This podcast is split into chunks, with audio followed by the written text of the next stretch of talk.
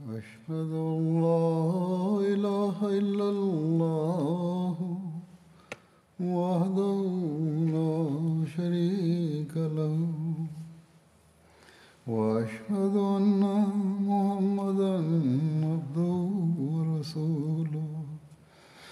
أما بعد فأعوذ بالله من الشيطان الرجيم. بسم الله الرحمن الرحيم. الحمد لله رب العالمين. الرحمن الرحيم. مالك يوم الدين. إياك نعبد وإياك نستعين. اهدنا الصراط المستقيم. صراط الذين أنعمت عليهم. غير المغضوب عليهم ولا الضالين.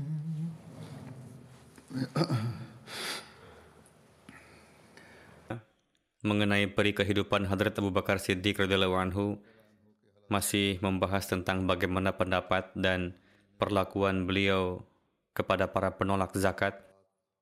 Ada penjelasan tambahan dari Tarikh Tabari, yakni kabilah Asad, Ghatfan, dan T telah bersatu di tangan Talha bin Khuwailid yang telah mendakwakan kenabian palsu, kecuali beberapa orang saja dari antara mereka. Orang-orang kabilah Asad berkumpul di Samirah. Nama tempat ini yakni Samirah berasal dari nama seorang pemuda dari kaum Ad. Ini merupakan satu kaum yang terdapat di perjalanan menuju Mekah. Sekeliling wilayah ini ada satu gunung berwarna hitam yang karenanya ia bernama demikian.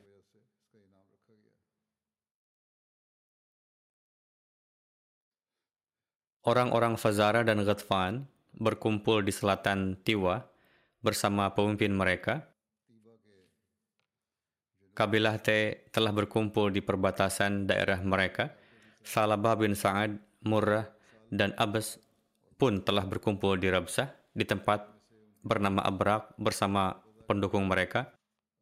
Rabazah adalah salah satu lembah di antara lembah di Madinah dengan jarak tempuh tiga hari perjalanan. Abrakuz Zabada berasal dari daerah kabilah Banu Zubian. Beberapa orang dari Banu Kinanah pun baru saja bertemu mereka, namun daerah itu tidak dapat termasuk ke dalam daerah mereka. Oleh karena itulah mereka menjadi dua golongan. Golongan pertama bermukim di Abrak, dan golongan kedua pergi ke Zulqassah. Zulqassah juga adalah tempat yang berjarak 40 mil dari Madinah. Tuleha mengirim Hibal untuk membantunya. Hibal adalah keponakan dari Tuleha. Demikianlah Hibal menjadi pemimpin orang-orang Zulqassah yang mana di bawahnya terdapat kabilah Asad, Les, Bil, Mudallij, yang juga ada di bawah perlindungannya. Auf bin Fulan bin Sinan diangkat menjadi pemimpin kabilah Murrah di Abrak.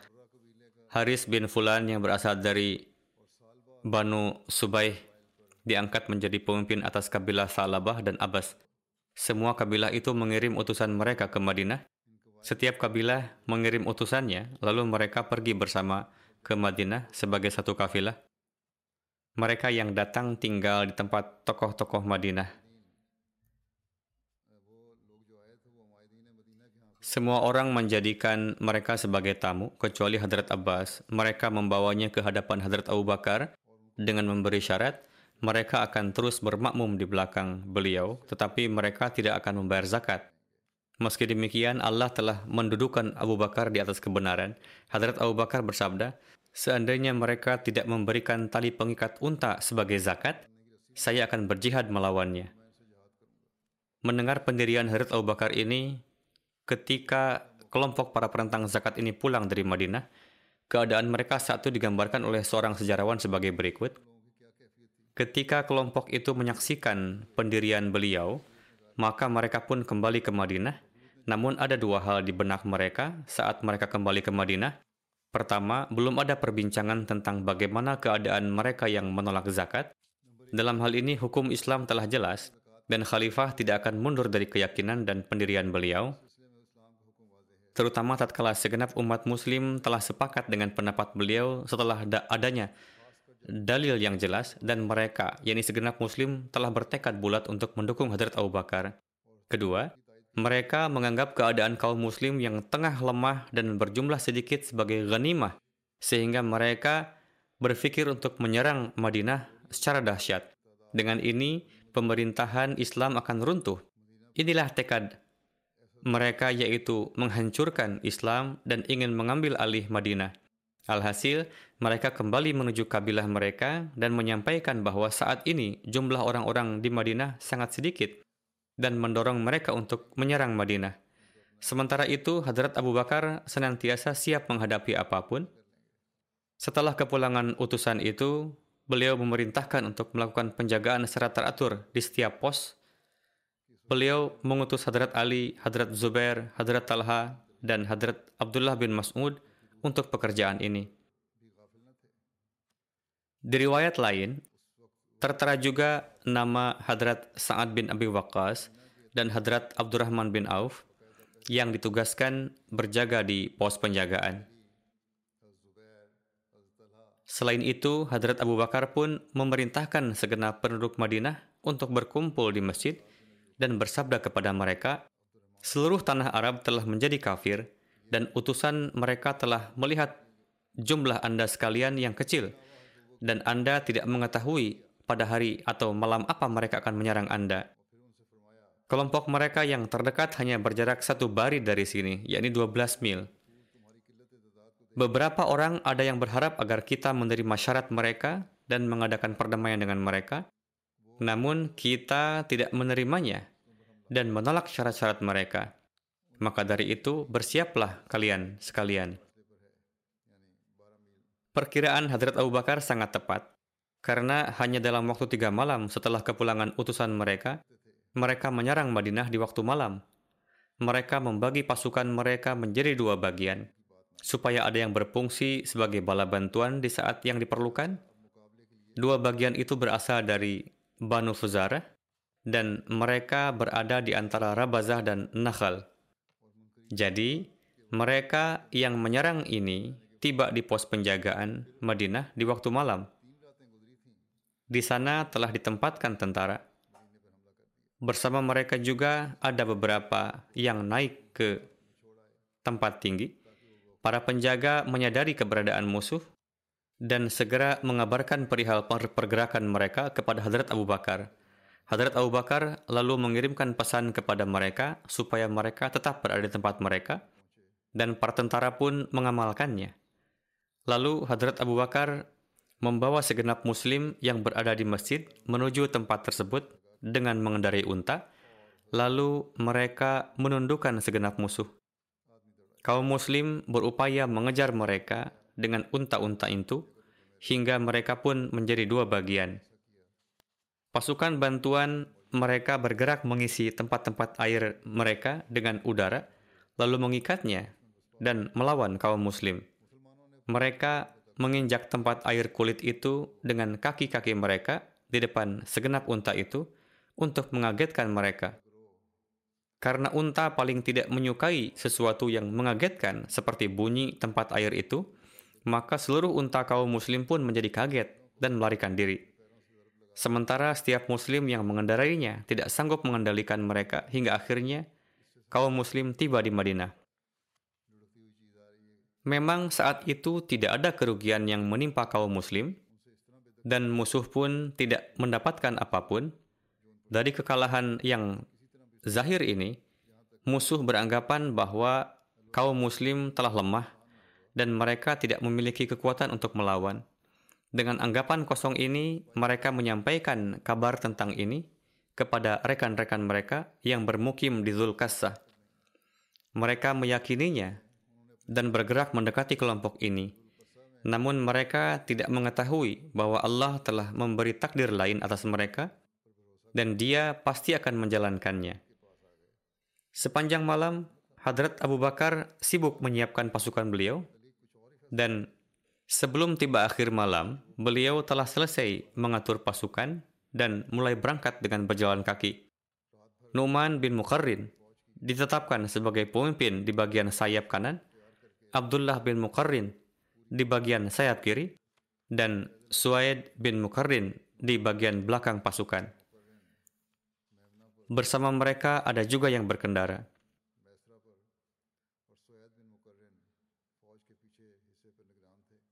Matahari belum menyingsing, sementara pasukan Muslim dan penentang zakat telah berada di medan yang sama. Musuh belum sepenuhnya menyadari senyapnya derap langkah kaum Muslim, sementara kaum Muslim mulai mendesak mereka dengan pedang mereka. Pertempuran pecah di akhir malam, dan sinar matahari belum sepenuhnya terbit dari ufuk, namun para pengingkar zakat itu telah menghadapi kekalahan mereka, dan mereka pun melarikan diri. Lalu tertera bahwa kaum muslim mengambil segenap hewan ternak mereka. Saat itu Hibal terbunuh. Hadrat Abu Bakar mengejar orang-orang tersebut hingga kaum muslim tiba di Zulkassah. Ini adalah kemenangan pertama yang Allah Ta'ala anugerahkan kepada kaum muslim. Hadrat Abu Bakar menetapkan Nu'man bin Mukarrin bersama beberapa orang untuk bermukim di sana. Sementara beliau kembali ke Madinah.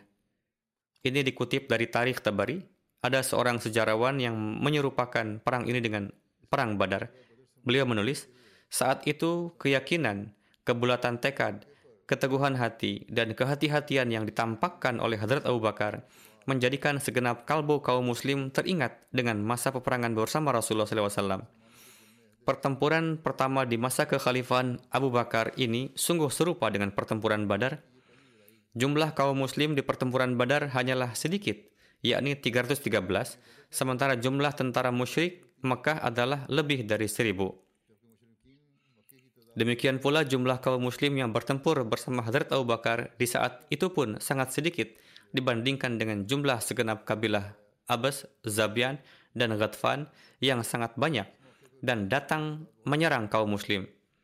Di Perang Badar, Allah menganugerahkan kemenangan atas orang-orang musyrik pada saat itu pun Hadrat Abu Bakar bersama sahabat beliau membuktikan keimanan mereka yang sempurna dan mereka meraih kemenangan atas segenap musuh. Kemudian, seperti halnya perang Badar yang memberi hasil yang jauh ke depan, demikian pula kemenangan yang diraih umat muslim pada pertempuran ini pun sangat berpengaruh bagi Islam di masa yang akan datang. Banu Zabian dan Banu Abbas yang sangat geram atas kekalahan ini, mereka dengan marah menyerang kaum muslim yang ada di sana dengan tiba-tiba dan menimpakan berbagai kedukaan kepada mereka dan mensyahidkan mereka. Mereka pun membalasnya. Mereka pun mensyahidkan kaum muslim yang tinggal di daerah mereka. Peristiwa ini ditiru juga oleh kabilah penentang yang lain.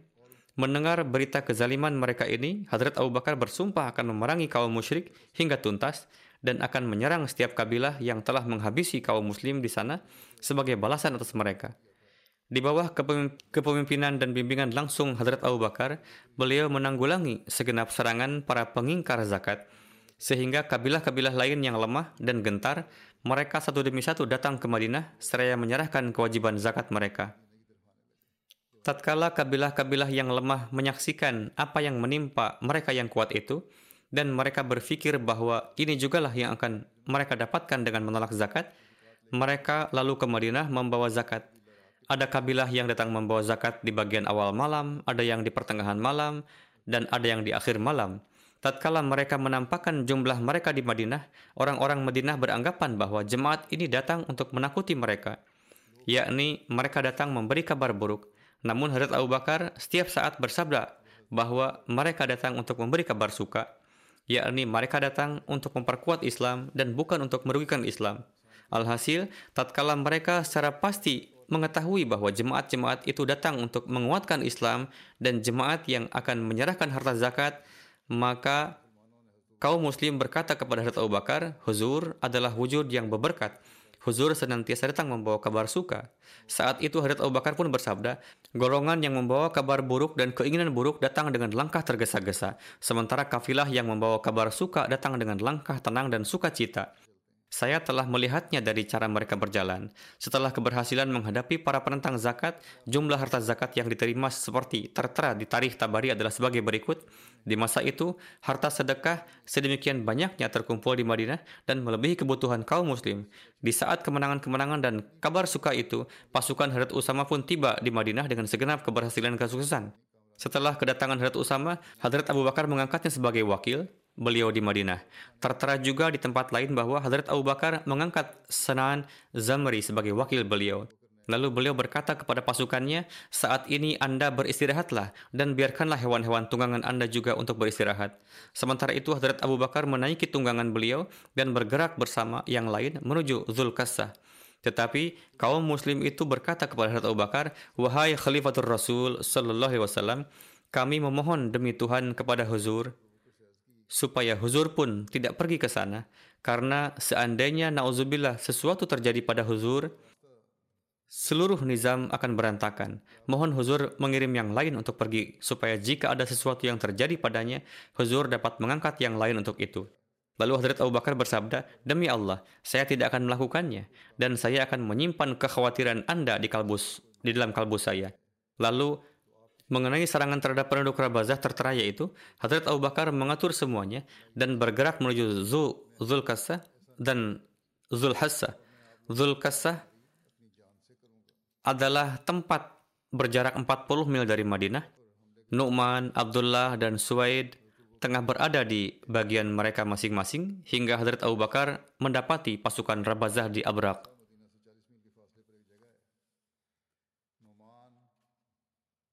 Terjadi pertempuran sengit dan pada akhirnya Allah menundukkan Haris dan Auf yang merupakan pemimpin kabilah Marrah, Sa'labah, dan Abs sementara Fatiyah ditangkap dalam keadaan hidup. Hadrat Abu Bakar bermukim untuk beberapa hari di Abrak, lalu beliau menjadikan Abrak sebagai tempat penggembalaan kuda-kuda kaum muslim. Setelah mendapatkan kekalahan di perang ini, Banu Abbas dan Banu Zabian bertemu dengan Tulaiha yang berjalan dari Samirah dan tengah berhenti di Bazakhah. Bazakhah pun adalah nama mata air milik Banu Asad, di mana telah terjadi juga pertempuran hebat di masa Hadrat Abu Bakar melawan Tulaiha Asadi. Kemudian, sejarawan lain menulis tentang sikap para kabilah yang telah menelan kekalahan. Saat itu adalah saat yang tepat agar kabilah Abbas, Zabian, Ghadfan, Bani Bakar, dan kabilah penentang lain yang tinggal di dekat Madinah untuk menghentikan pemberontakan dan pembangkangan mereka dan mengikrarkan ketaatan yang sempurna kepada Hadrat Abu Bakar dan mengamalkan segenap rukun Islam serta bersama kaum muslim melawan segenap orang-orang yang murtad. Akal sehat menuntut demikian dan keadaan yang terjadi pun mendukung ini semua. Kekuatan mereka telah tunduk melalui Abu Bakar karena keberhasilan yang diperoleh, pengaruh kaum Madinah telah berdiri kuat hingga perbatasan Romawi. Kekuatan kaum muslim saat itu telah bertambah dan mereka tidak lagi ada di bawah bayangan keadaan yang lemah seperti di perang Badar atau di pertempuran awal lainnya. Kini Makkah dan Taif pun telah ada bersama mereka dan kini para pemimpin di kedua kota tersebut dan di seluruh Arab telah menerima mereka. Tokoh-tokoh di kota-kota tersebut telah diakui di seluruh Arab. Kemudian di antara kabilah-kabilah yang pernah menentang itu, kini telah banyak terdapat kaum muslim di mana mereka sama sekali tidak akan melakukan pemberontakan. Dengan demikian, kedudukan penentang kini telah sangat lemah. Mereka memusuhi kaum muslim. Permusuhan mereka kepada kaum muslim telah membutakan mata mereka dan hati mereka tidak lagi dapat melihat untung ruginya. Mereka lalu meninggalkan negeri mereka dan bertemu dengan pendakwa kenabian palsu dari Bani Asad yaitu Tulaiha bin Khuwailid kaum muslim yang tinggal di tengah mereka tidak dapat menghentikan mereka dari keinginan mereka. Dengan tibanya mereka itu, kekuatan Tulaiha dan Musailamah pun bertambah dan mereka mulai memercikan api pemberontakan yang besar dari Yaman. Alhasil, hal ini hendaknya diingat bahwa mereka sebelumnya telah memberontak dan telah berperang. Perang ini tidak hanya didasarkan pada suatu pendakwaan, namun mereka tengah membalas dendam pemberontakan mereka dan menjawab perang sebelumnya dengan perang juga. Mengenai kemenangan atas para penentang zakat dan keberanian serta keteguhan Hadrat Abu Bakar, Abdullah bin Mas'ud bersabda di dalam satu riwayat beliau, Setelah kewafatan Rasulullah, kami berada dalam keadaan di mana jika Allah Ta'ala tidak menurunkan pertolongannya melalui Abu Bakar Siddiq, maka kehancuran adalah hal yang pasti bagi kami. Sebelumnya, kami segenap kaum muslim telah sepakat sepenuhnya bahwa kami tidak akan berperang melawan penentang zakat untuk mendapatkan unta-unta zakat dan kami akan sibuk beribadah kepada Allah hingga kelak kami akan mendapatkan kemenangan yang besar. Namun Hadrat Abu Bakar Siddiq telah bertekad kuat untuk memerangi para penentang zakat. Beliau hanya menyampaikan dua hal ke hadapan para penentang zakat, tidak ketiga. Pertama, mereka harus menerima kehinaan mereka jika mereka tidak menerima, maka mereka harus siap untuk bertempur dan diusir dari negerinya. Maksud menerima kehinaan adalah mereka berikrar bahwa kematian mereka kelak adalah kematian neraka, sementara umat muslim menerima surga dan mereka harus membayar setiap jiwa muslim yang dibunuh oleh mereka. Mereka tidak akan meminta harta ghanimah yang telah kami dapatkan dari mereka, sementara itu mereka harus mengembalikan harta yang mereka ambil dari kami. Adapun hukuman pengusiran bermakna setelah mendapatkan kekalahan, mereka harus keluar dari daerah mereka dan tinggal di tempat lain yang jauh.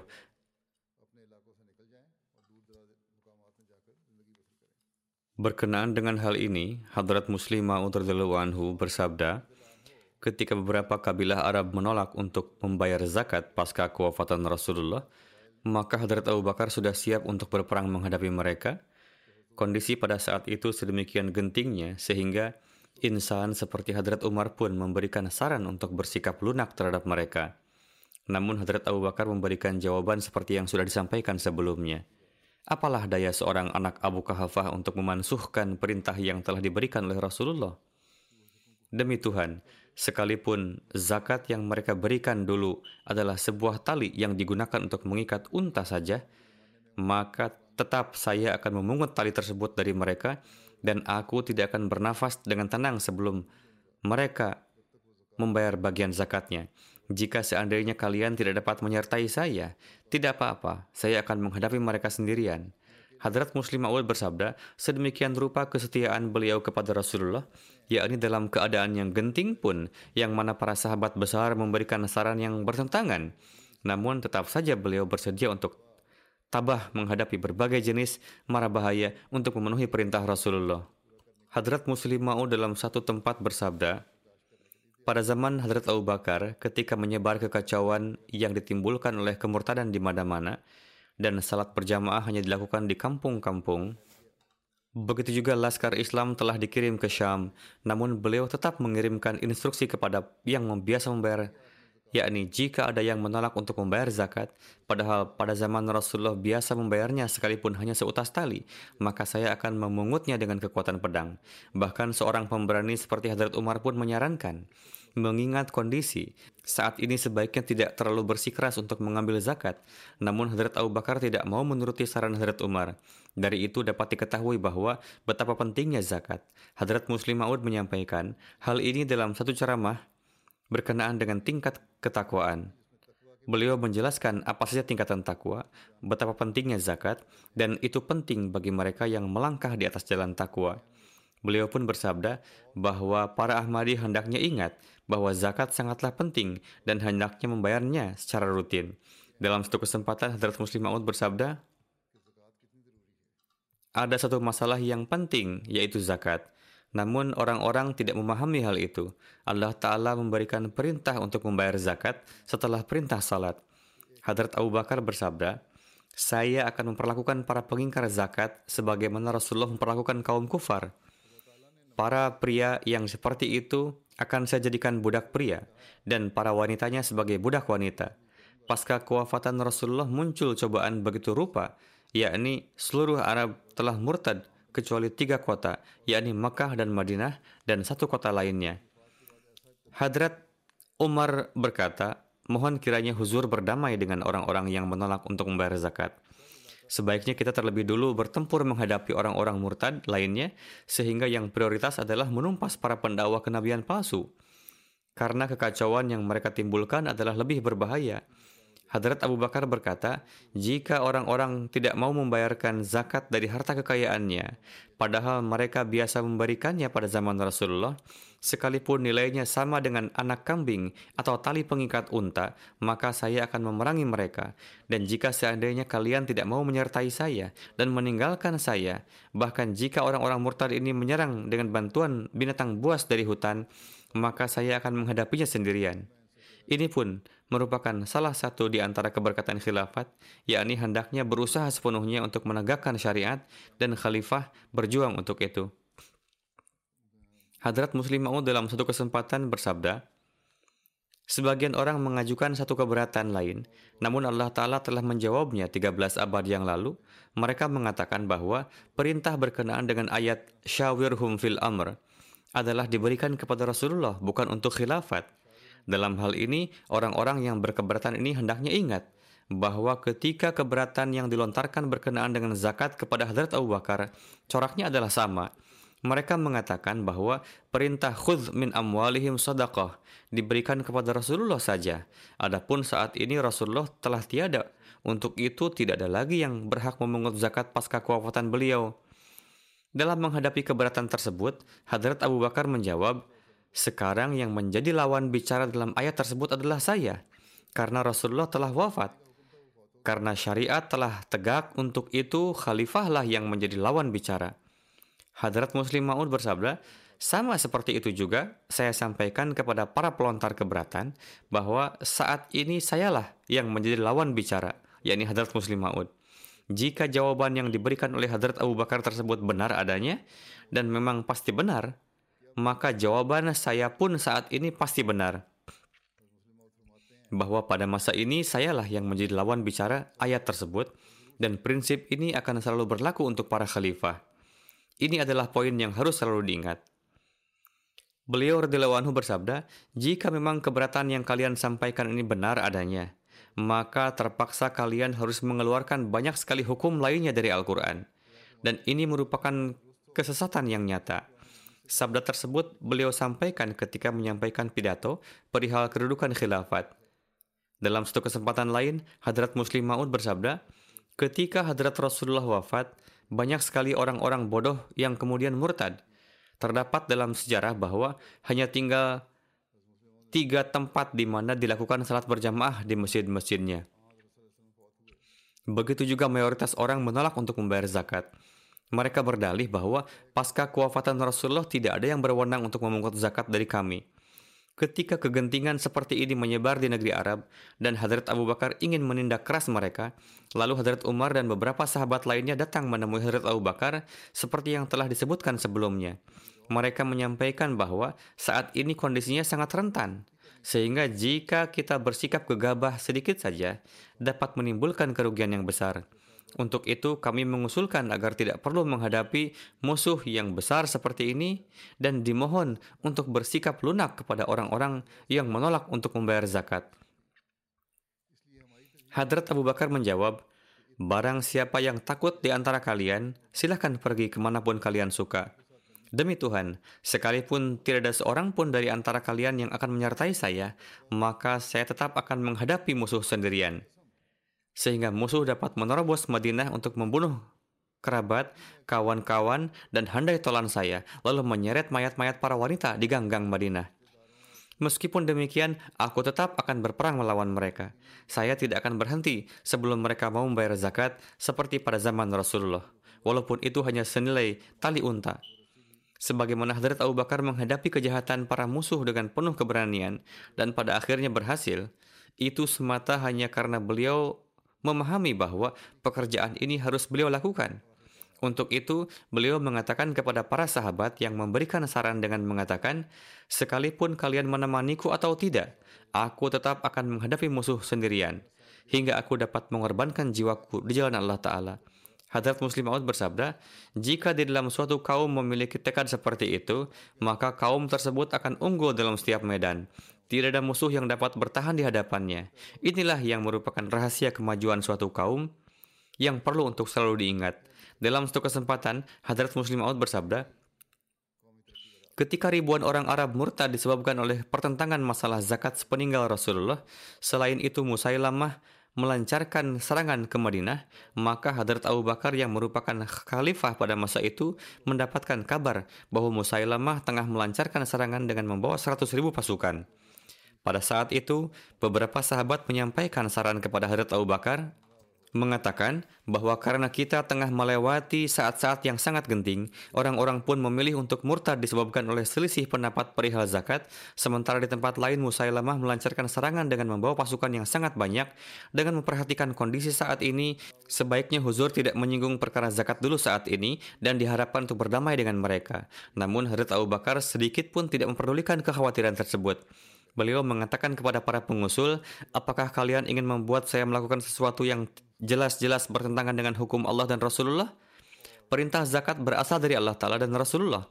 Untuk itu adalah kewajiban saya untuk berjuang sebisa mungkin untuk menjaga hukum-hukum Allah Ta'ala dan Rasulnya.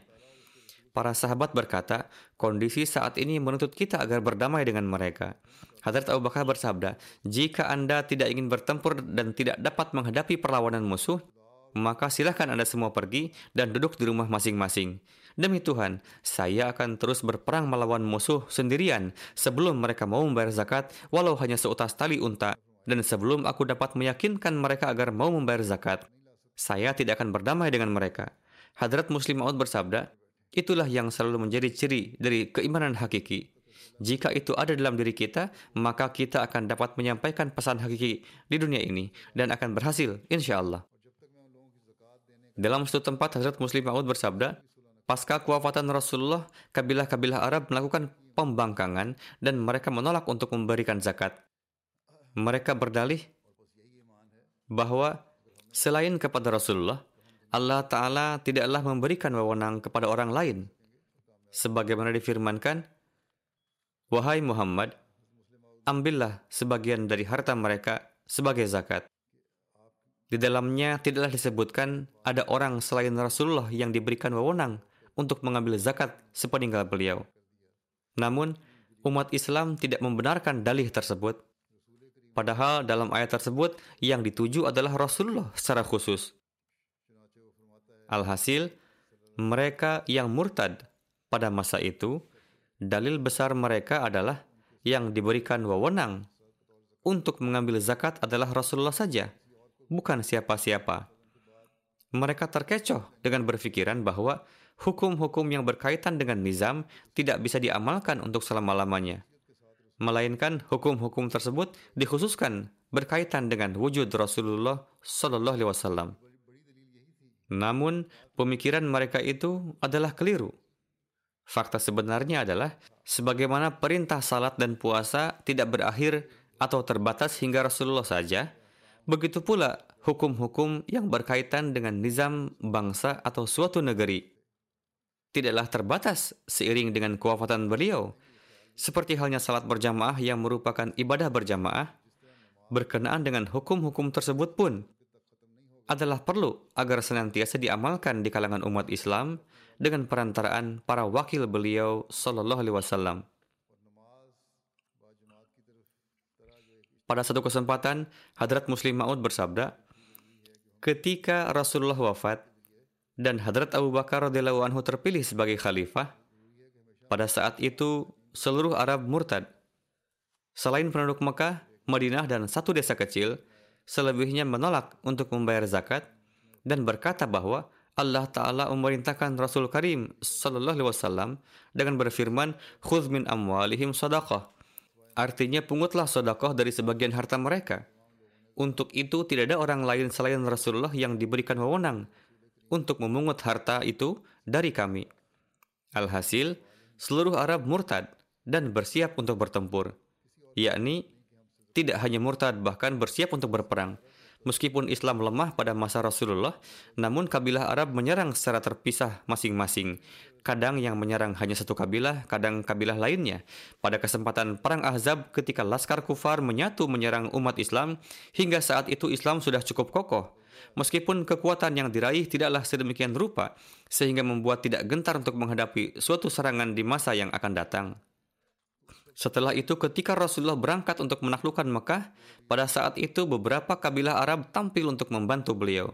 Dengan demikian, Allah Ta'ala memberikan semangat secara bertahap kepada pihak musuh sehingga tidak begitu tangguh untuk menguasai seluruh negeri.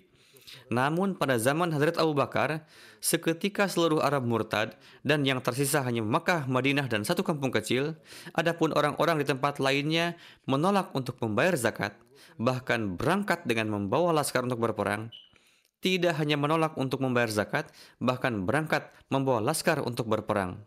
Pada beberapa tempat, bahkan mereka memiliki 100 ribu pasukan. Namun umat Islam hanya memiliki 10 ribu pasukan, dan itu pun akan berangkat ke Syam. Itu adalah laskar yang telah dipersiapkan oleh Rasulullah ketika menjelang wafat untuk menyerang Romawi, dan beliau menetapkan Usama sebagai komandan. Selebihnya adalah orang-orang yang lemah, orang tua, atau hanya segelintir pemuda saja.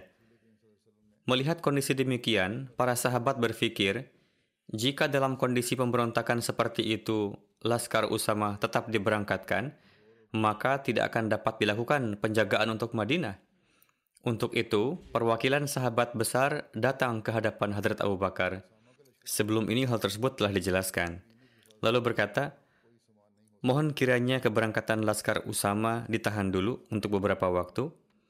Jika pemberontakan telah mereda, maka silakan Huzur melanjutkan pengirimannya. Namun jika memberangkatkan saat ini, tidaklah kosong dari bahaya. Lalu Hadrat Abu Bakar bersabda dengan nada marah, Apakah kalian ingin pasca kewafatan Rasulullah, pekerjaan pertama yang dilakukan oleh anak Abu Kahafah adalah menghentikan keberangkatan pasukan yang telah diperintahkan oleh Rasulullah untuk mengirimkannya. Bagaimanapun laskar ini harus berangkat, dan saya pasti akan mengirimkan pasukan yang telah diperintahkan oleh Rasulullah untuk mengirimkannya. Jika kalian takut dengan pasukan musuh, silahkan tinggalkan saya. Saya akan menghadapi semua musuh sendirian. Hadrat Muslim Maud bersabda, ini merupakan bukti besar akan kebenaran ya'budunani la yushriku nabi syai'a yakni seorang mukmin akan beribadah kepadaku dan tidak akan menyekutukan siapa pun denganku, yakni teguh di atas khilafat atau menyertai khilafat. Itu adalah keadaan yang berlangsung bersama dengan nizam khilafat dan akan terus berlangsung. Kemudian beliau radhiyallahu anhu bersabda, pertanyaan kedua adalah zakat. Sahabat berkata, jika huzur tidak dapat menunda keberangkatan laskar, sekurangnya mohon berkenan untuk membuat perjanjian sementara dengan mereka dan katakan kepada mereka bahwa kami tidak akan memungut zakat tahun ini dari kalian. Sehingga saat ini gejolak amarah mereka akan mendingin dan akan timbul corak terhapusnya perpecahan. Namun, Hadrat Abu Bakar bersabda, itu tidak mungkin terjadi Hadrat Abu Bakar tidak menuruti saran para sahabat. Lalu para sahabat berkata, jika Laskar Usama berangkat, dan jika tidak dibuat perjanjian dengan mereka, lantas siapa yang akan menghadapi musuh? Di Madinah yang tersisa hanya orang tua dan lemah, dan hanya segelintir pemuda yang tidak mungkin akan menghadapi pasukan ratusan ribu. Hadrat Abu Bakar menjawab, Wahai kawan, jika kalian tidak dapat menghadapi mereka, maka Abu Bakar akan siap untuk menghadapi mereka sendirian. Hadrat Muslim Maud bersabda, ini adalah pernyataan seseorang yang tidak begitu ahli dalam persenjataan perang dan berkenaan dengannya secara umum dianggap sebagai orang yang berhati lemah. Lantas dari mana timbul keberanian, keyakinan, tekad yang sedemikian rupa seperti itu di dalam diri beliau? Keyakinan itu timbul karena Hadrat Abu Bakar memahami bahwa saya berdiri pada makom khilafat yang diangkat oleh Allah Ta'ala dan akulah yang diberikan tanggung jawab untuk semua tugas untuk itu merupakan kewajibanku untuk bangkit menghadapi mereka. Adapun akan berhasil atau tidak, itu semua ada pada wewenang Tuhan. Jika dia ingin memberikan keberhasilan, maka akan memberikannya sendiri. Namun, jika tidak ingin memberikannya, sekalipun semua laskar bersatu, tetap tidak akan berhasil. Bagaimana hasil luar biasa yang diperoleh dari keputusan Hadrat Abu Bakar? Berkenaan dengan hal ini, Hadrat Muslim Maud bersabda, Hadrat Abu Bakar tetap menentang saran para sahabat dan mengirim Usama bin Zaid beserta laskarnya ke Mauta. 40 hari kemudian operasi militer ini menyelesaikan tugasnya dan kembali ke Madinah dengan kemenangan gemilang. Semua orang menyaksikan dengan mata kepala sendiri turunnya pertolongan Allah dan kemenangan. Kemudian setelah operasi militer ini, Hadrat Abu Bakar mengarahkan perhatian kepada para pendakwa kenabian palsu dan memadamkan fitnah ini sedemikian rupa hingga menghancurkannya. Dan fitnah ini benar-benar terhapus. Kemudian hal yang sama terjadi pada orang-orang murtad dan para sahabat terkemuka juga berbeda pendapat dengan Hadrat Abu Bakar anhu dan mengatakan bahwa bagaimana bisa mengangkat pedang terhadap orang-orang yang telah mengakui tauhid dan kenabian dan hanya ingkar membayar zakat saja. Namun Hadrat Abu Bakar bersabda dengan penuh keberanian dan kegagahan bahwa jika hari ini diberikan izin untuk tidak membayar zakat, maka lambat laun orang-orang akan meninggalkan salat juga dan Islam hanya tinggal namanya. Singkatnya, dalam kondisi-kondisi demikian, Hadrat Abu Bakar Anhu melawan para pengingkar zakat dan hasilnya adalah beliau juga meraih kemenangan dan pertolongan di medan tersebut dan orang-orang yang telah rusak tersebut kembali ke jalan kebenaran. Kisah ini masih akan berlanjut pada kesempatan yang akan datang, sebagaimana yang selalu saya himbau bahwa hendaknya banyak-banyaklah berdoa bagi situasi saat ini, janganlah mengendurkannya, Secara khusus berdoalah semoga dunia mengenali penciptanya. Inilah solusi untuk menghindarkan dunia dari kehancuran. Semoga Allah Ta'ala menurunkan kasih sayangnya dan mengabulkan doa-doa kita. Saya akan menyampaikan riwayat seorang almarhum. Setelah Jumat saya akan menyalatkan jenazahnya. Beliau adalah yang terhormat Maulana Mubarak Nazir Sahib yang pernah menjabat sebagai prinsipal Jamiah Kanada dan Mubalik in charge Kanada. Beliau wafat pada 8 Maret di usia 87 tahun. Inna lillahi wa inna ilaihi raji'un. Dengan karunia Allah Ta'ala, beliau seorang musi. Beliau sosok yang tanpa pamrih, bertawakal kepada Allah, rajin berdoa dan kona'ah. Seorang yang sangat zuhud. Ketika melihat beliau, saya selalu merasa sedang melihat seorang suci yang sejati saya ingin menyampaikan berkenaan dengan keluarga beliau. Beliau adalah putra kedua dari seorang mubalik yang sukses, Maulana Nazir Ahmad Ali Sahib dan yang terhormat Aminah Begum Sahibah.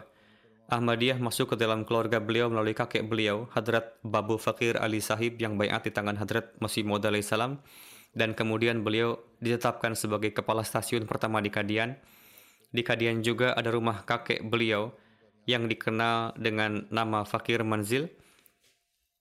Sesuai dengan instruksi dari Hadrat Muslim Ma'ud anhu, ayahanda, ayahanda dari Maulana Mubarak Nazir Sahib, yakni Hadrat Maulana Nazir Ahmad Ali Sahib, pertama-tama mendapatkan taufik berkhidmat di Ghana pada tahun 29 dan setelah itu beliau ditugaskan di Sierra Leone. Pada tahun 45 ayahanda beliau, Hadrat Maulana Nazir Ahmad Ali Sahib kembali ke Sierra Leone, maka Mubarak Nazir Sahib juga bersama-sama dengan kedua orang tua beliau berangkat untuk perjalanan menuju Sierra Leone. Pada perjalanan tersebut ada satu peristiwa yang mengubah keimanan dan Maulana Mubarak Nazir Sahib mengisahkannya. Perjalanan ini berlangsung selama tiga bulan dengan menggunakan kapal laut. Pada waktu itu, Mubarak Nazir Sahib berusia 12 tahun. Di perjalanan beliau sakit dan karena sakit tersebut nampak bahwa nyawa beliau tidak akan selamat. Sebagaimana saya telah katakan, ini adalah perjalanan dengan kapal laut. Jadi, mereka mulai naik kapal atau berganti kapal dan mulai naik pada saat itu. Ini adalah peristiwa yang terjadi sebelum perjalanan. Singkatnya, beliau telah sakit sebelum naik kapal, dan ketika para pengurus kapal melihat kondisi beliau, mereka berkata kepada ayahanda beliau, anak Anda hampir meninggal. Jika ia meninggal di perjalanan, kami tidak memiliki kamar jenazah di dalam kapal ini untuk meletakkan jenazahnya. Tidak ada sarana untuk itu. Oleh karena itu, kami tidak bisa membawa Anda dikarenakan kondisi anak Anda. Maulana Sahib bersikeras bahwa Khalifatul Masih Al-Thani radhiyallahu anhu telah memerintahkan saya dan dalam kondisi apa pun saya akan menaiki kapal ini. Kemudian pengurus kapal memberikan izin kepada beliau untuk naik kapal dengan syarat bahwa beliau harus menulis bahwa jika putra beliau meninggal di perjalanan, maka jenazahnya akan diizinkan untuk dibuang ke laut.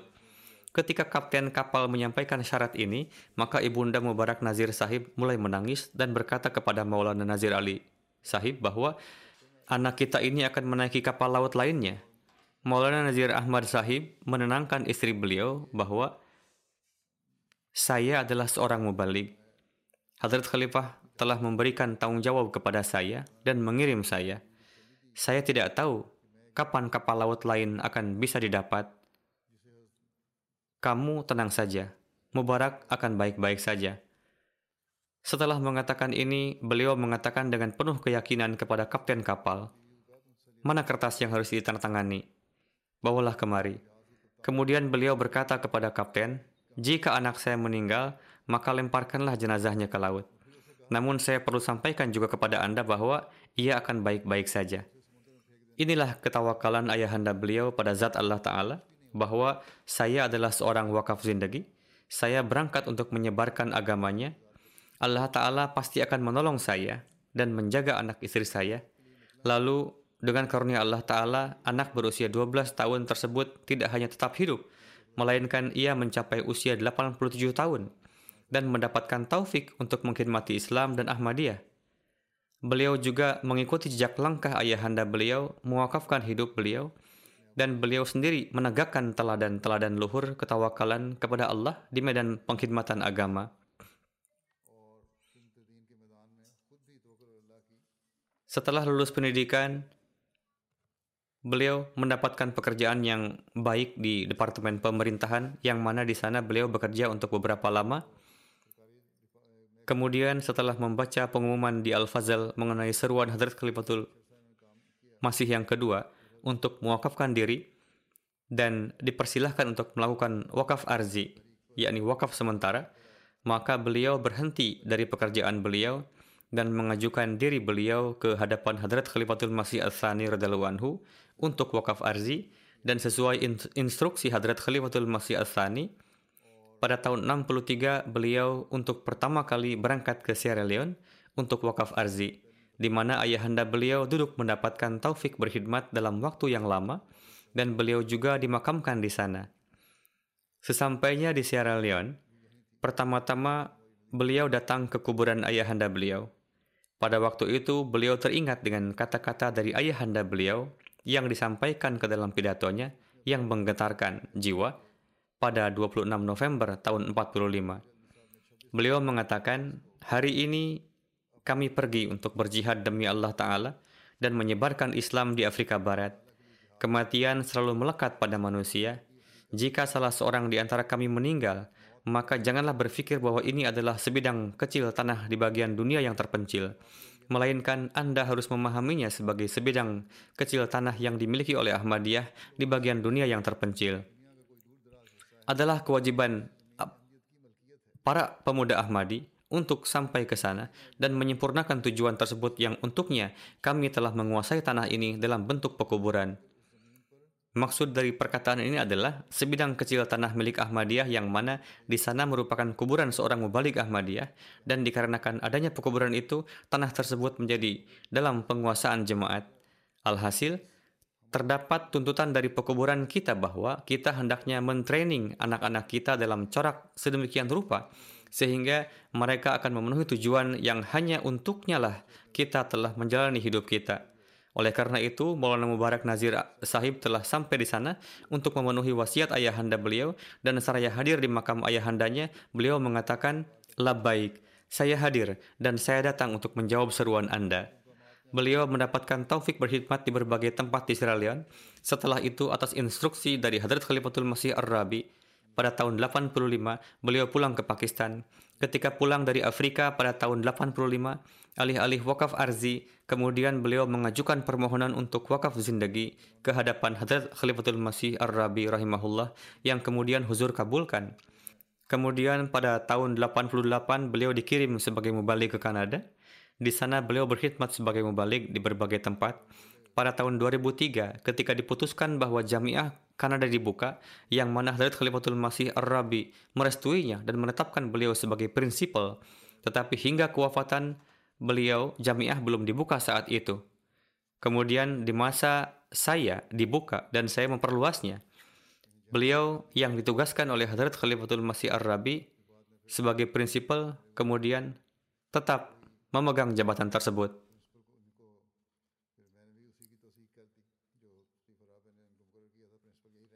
Beliau adalah prinsipal pertama Jamiah Ahmadiyah Kanada. Beliau berkhidmat di Jamiah sebagai prinsipal hingga 2009. Pada tahun 2010, saya menetapkan beliau sebagai missionary in charge Kanada dan mendapatkan taufik untuk berkhidmat sepenuhnya hingga 2018. Total masa perkhidmatan beliau adalah selama 59 tahun. Wakaf arzi beliau ketika di masa muda juga merupakan wakaf permanen. Demikian juga almarhum mendapatkan taufik ikut serta dalam jalsah-jalsah dan berbagai program sebagai utusan markaz dan pidato-pidato beliau disukai oleh para Ahmadi maupun non-Ahmadi. Beliau banyak menyampaikan pidato-pidato yang sangat menggugah dan menarik bagi para pendengarnya.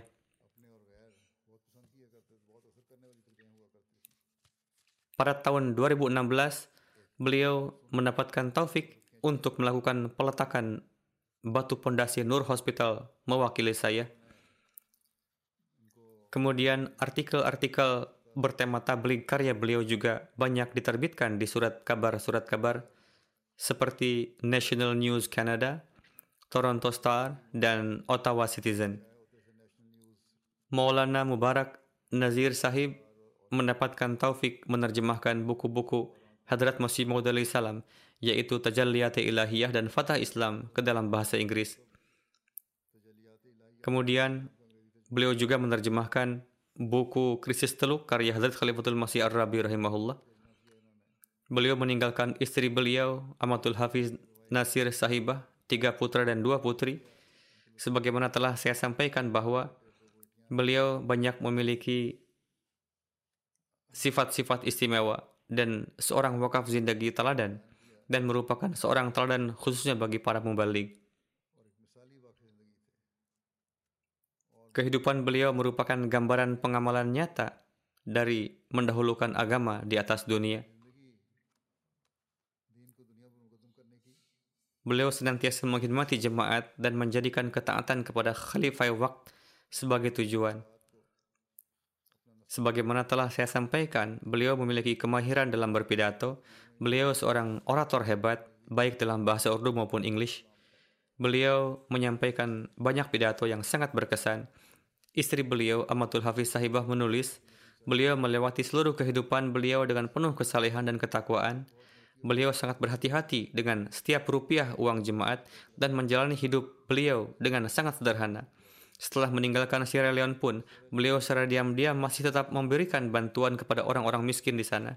Istri beliau menuturkan, saya menyaksikan bahwa di samping sebagai wakaf zindagi terbaik, beliau juga merupakan suami terbaik dan sosok ayah yang penuh kasih sayang. Beliau senantiasa memikirkan bahwa betapa banyak yang jemaat telah belanjakan untuk diri saya, maka bagaimana caranya saya bisa memberikan manfaat. Beliau sering kali mengatakan bahwa saya tidak sanggup menanggung kemarahan Khalifah Waqt anak-anak beliau juga banyak memiliki kesan. Kesemuanya menulis bahwa keimanan ayahanda pada Allah Ta'ala dan akhirat sangat kokoh. Beliau taat kepada khilafat dan memiliki keyakinan yang teguh terhadap nizam jemaat. Kemudian beliau sangat bertawakal kepada Allah Ta'ala. Beliau sering kali mengatakan Allah Ta'ala tidak akan pernah meninggalkanku dan akan selalu datang untuk menolongku dan perlakuan Allah Ta'ala terhadap beliau pun memang seperti itu.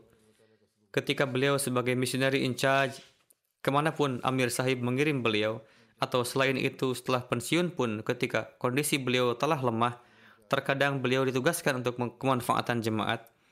Ke mana pun beliau pergi, selalu menghimbau mengenai pengorbanan harta dan orang-orang menjadi terkesan.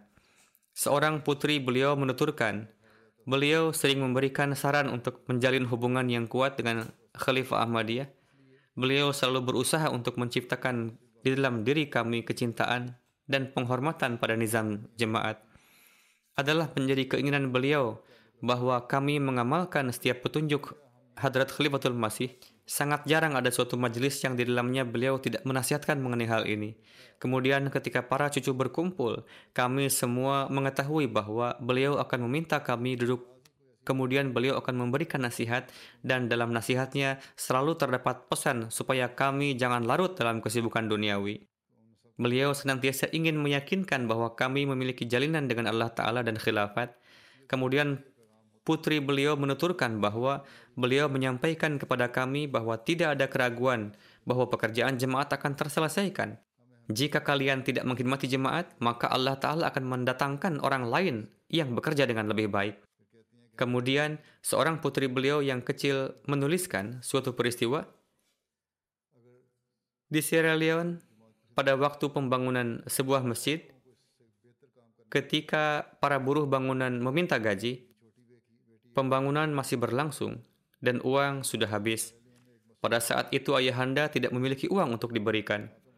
Meskipun demikian, Maulana Mubarak Nazir Sahib mengatakan kepada para tukang supaya datang lagi besok. Gaji mereka akan diberikan kepada mereka. Ketika pagi hari tiba dan beliau keluar dari rumahnya, Mubarak Nazir Sahib melihat para buruh telah berdiri menunggu di depan, sedangkan uang masih belum tersedia. Atas hal ini, beliau mengatakan kepada para buruh bahwa saat ini saya tidak mempunyai uang, namun saya akan berdoa. Tunggulah sebentar. Insya Allah, Allah Ta'ala akan segera menyediakannya. Pada saat itu, sebuah mobil menghampiri beliau dengan cepat, dan memberikan kepada beliau sebuah amplop yang di dalamnya berisi uang dan mengatakan kepada beliau bahwa seseorang telah mendengar bahwa Anda tengah membangun masjid. Oleh karena itu, ia telah mengirimkan uang ini. Simpanlah oleh Anda. Sebelumnya ayah anda menanyakan kepadanya mengenai siapa yang telah memberikan uang. Setelah memberikan amplop itu, mobil tersebut pergi dengan cepat. Beliau merasa yakin bahwa Allah Ta'ala telah mendengar doa beliau, dan dengan cara demikian beliau telah membayar gaji para buruh itu. Inilah ketawakalan beliau kepada Allah Ta'ala dan bagaimana perlakuan Allah Ta'ala kepada beliau. Masih banyak lagi peristiwa-peristiwa ketawakalan kepada Allah dan perlakuan Allah Ta'ala kepada beliau yang semacam ini yang dituliskan oleh orang-orang. Orang-orang dan para mubalik juga menuliskan hal ini. Sebagaimana telah saya sampaikan, sungguh beliau adalah seorang alim ulama yang juga mengamalkan dan oleh karena itulah Pidato-pidato beliau sangat berkesan bagi orang-orang. Namun di hadapan khalifah, beliau sangat merendahkan diri. Semoga Allah telah meninggikan derajat beliau, membimbing putra-putri dan anak keturunan beliau untuk dapat mengikuti jejak langkah beliau, menjadikan putra-putri dan anak-anak keturunan beliau pewaris dari doa-doa beliau, dan semoga Allah telah menganugerahkan kepada jemaat ini para pengkhidmat yang tulus seperti beliau. Khususnya para mubalik lulusan Jamiah Kanada, mereka banyak mengalami berbagai peristiwa bersama almarhum, bagaimana beliau memberikan tarbiyat, mengajarkan cara bertablik, mengajarkan akhlak dan agama. Singkatnya, para mubalik ini banyak mendapatkan keberkatan. Maka mereka tidak cukup hanya mengenang atau menceritakan peristiwa-peristiwa ini, melainkan para mubalik ini juga hendaknya menjadi contoh amalan nyata dari hal-hal tersebut.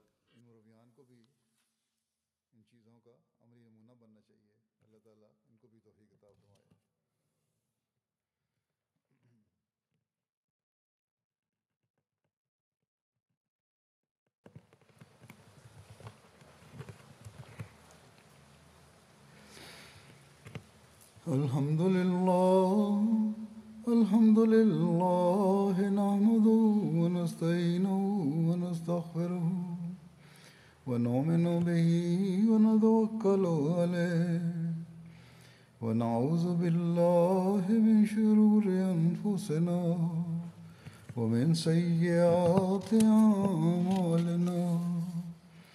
من يهده الله فلا مضل له ومن يضلل فلا هادي له. ونشهد أن لا إله إلا الله. ونشهد أن محمدا عبده ورسوله. عباد الله رحمكم الله. إن الله يأمر بالعدل واللسان وإيتاء ذي القربى وينهى عن الفحشاء والمنكر والبغي يعظكم لعلكم تذكرون. اذكروا الله يذكركم يعظكم لعلكم تذكرون. اذكروا الله يذكركم وادعوه يستجب لكم ولذكر الله أكبر.